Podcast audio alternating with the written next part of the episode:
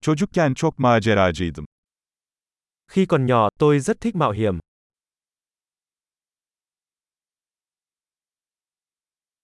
Arkadaşlarım ve ben okulu asar ve video Atari salonuna giderdik.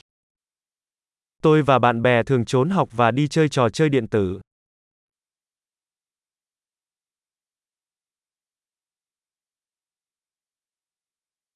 Ehliyetimi aldığımda sahip olduğum özgürlük duygusu eşsizdi. Cảm giác tự do mà tôi có được khi có bằng lái xe là không gì có thể sánh bằng.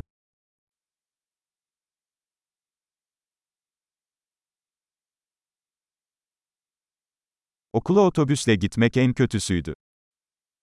Đi xe buýt đến trường là điều tồi tệ nhất.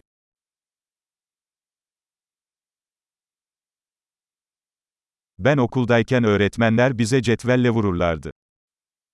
Khi tôi còn đi học, các giáo viên thường đánh chúng tôi bằng thước kẻ.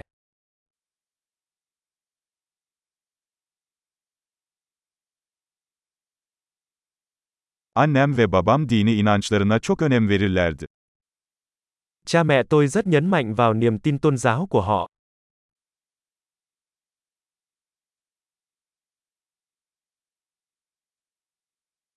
Ailem her yıl bir araya gelirdi. Gia đình tôi thường có một cuộc đoàn tụ hàng năm.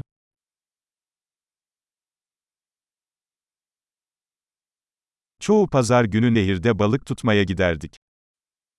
Chúng tôi thường đi câu cá ở sông hầu hết các ngày chủ nhật.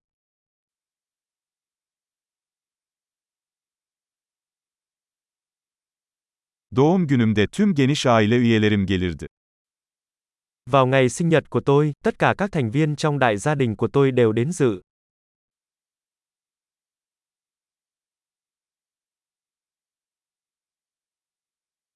Hala çocukluğumun etkisinden kurtuluyorum.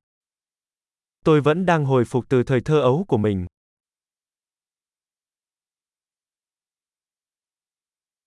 Üniversitedeyken rock konserlerine gitmeyi severdim. Khi còn học đại học, tôi thích đi xem các buổi hòa nhạc rock.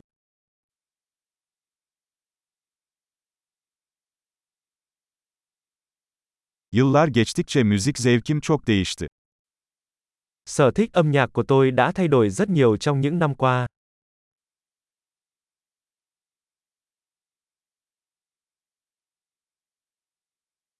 On beş farklı ülkeye seyahat ettim. Tôi đã đi đến 15 quốc gia khác nhau.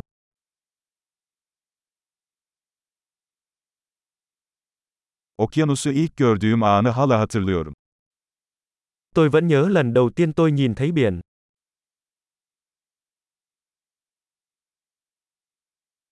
Çocukluğuma dair özlediğim bazı özgürlükler var.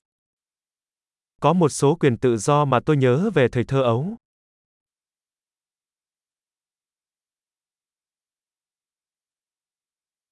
Çoğunlukla yetişkin olmayı seviyorum. Hầu hết tôi chỉ thích làm người lớn.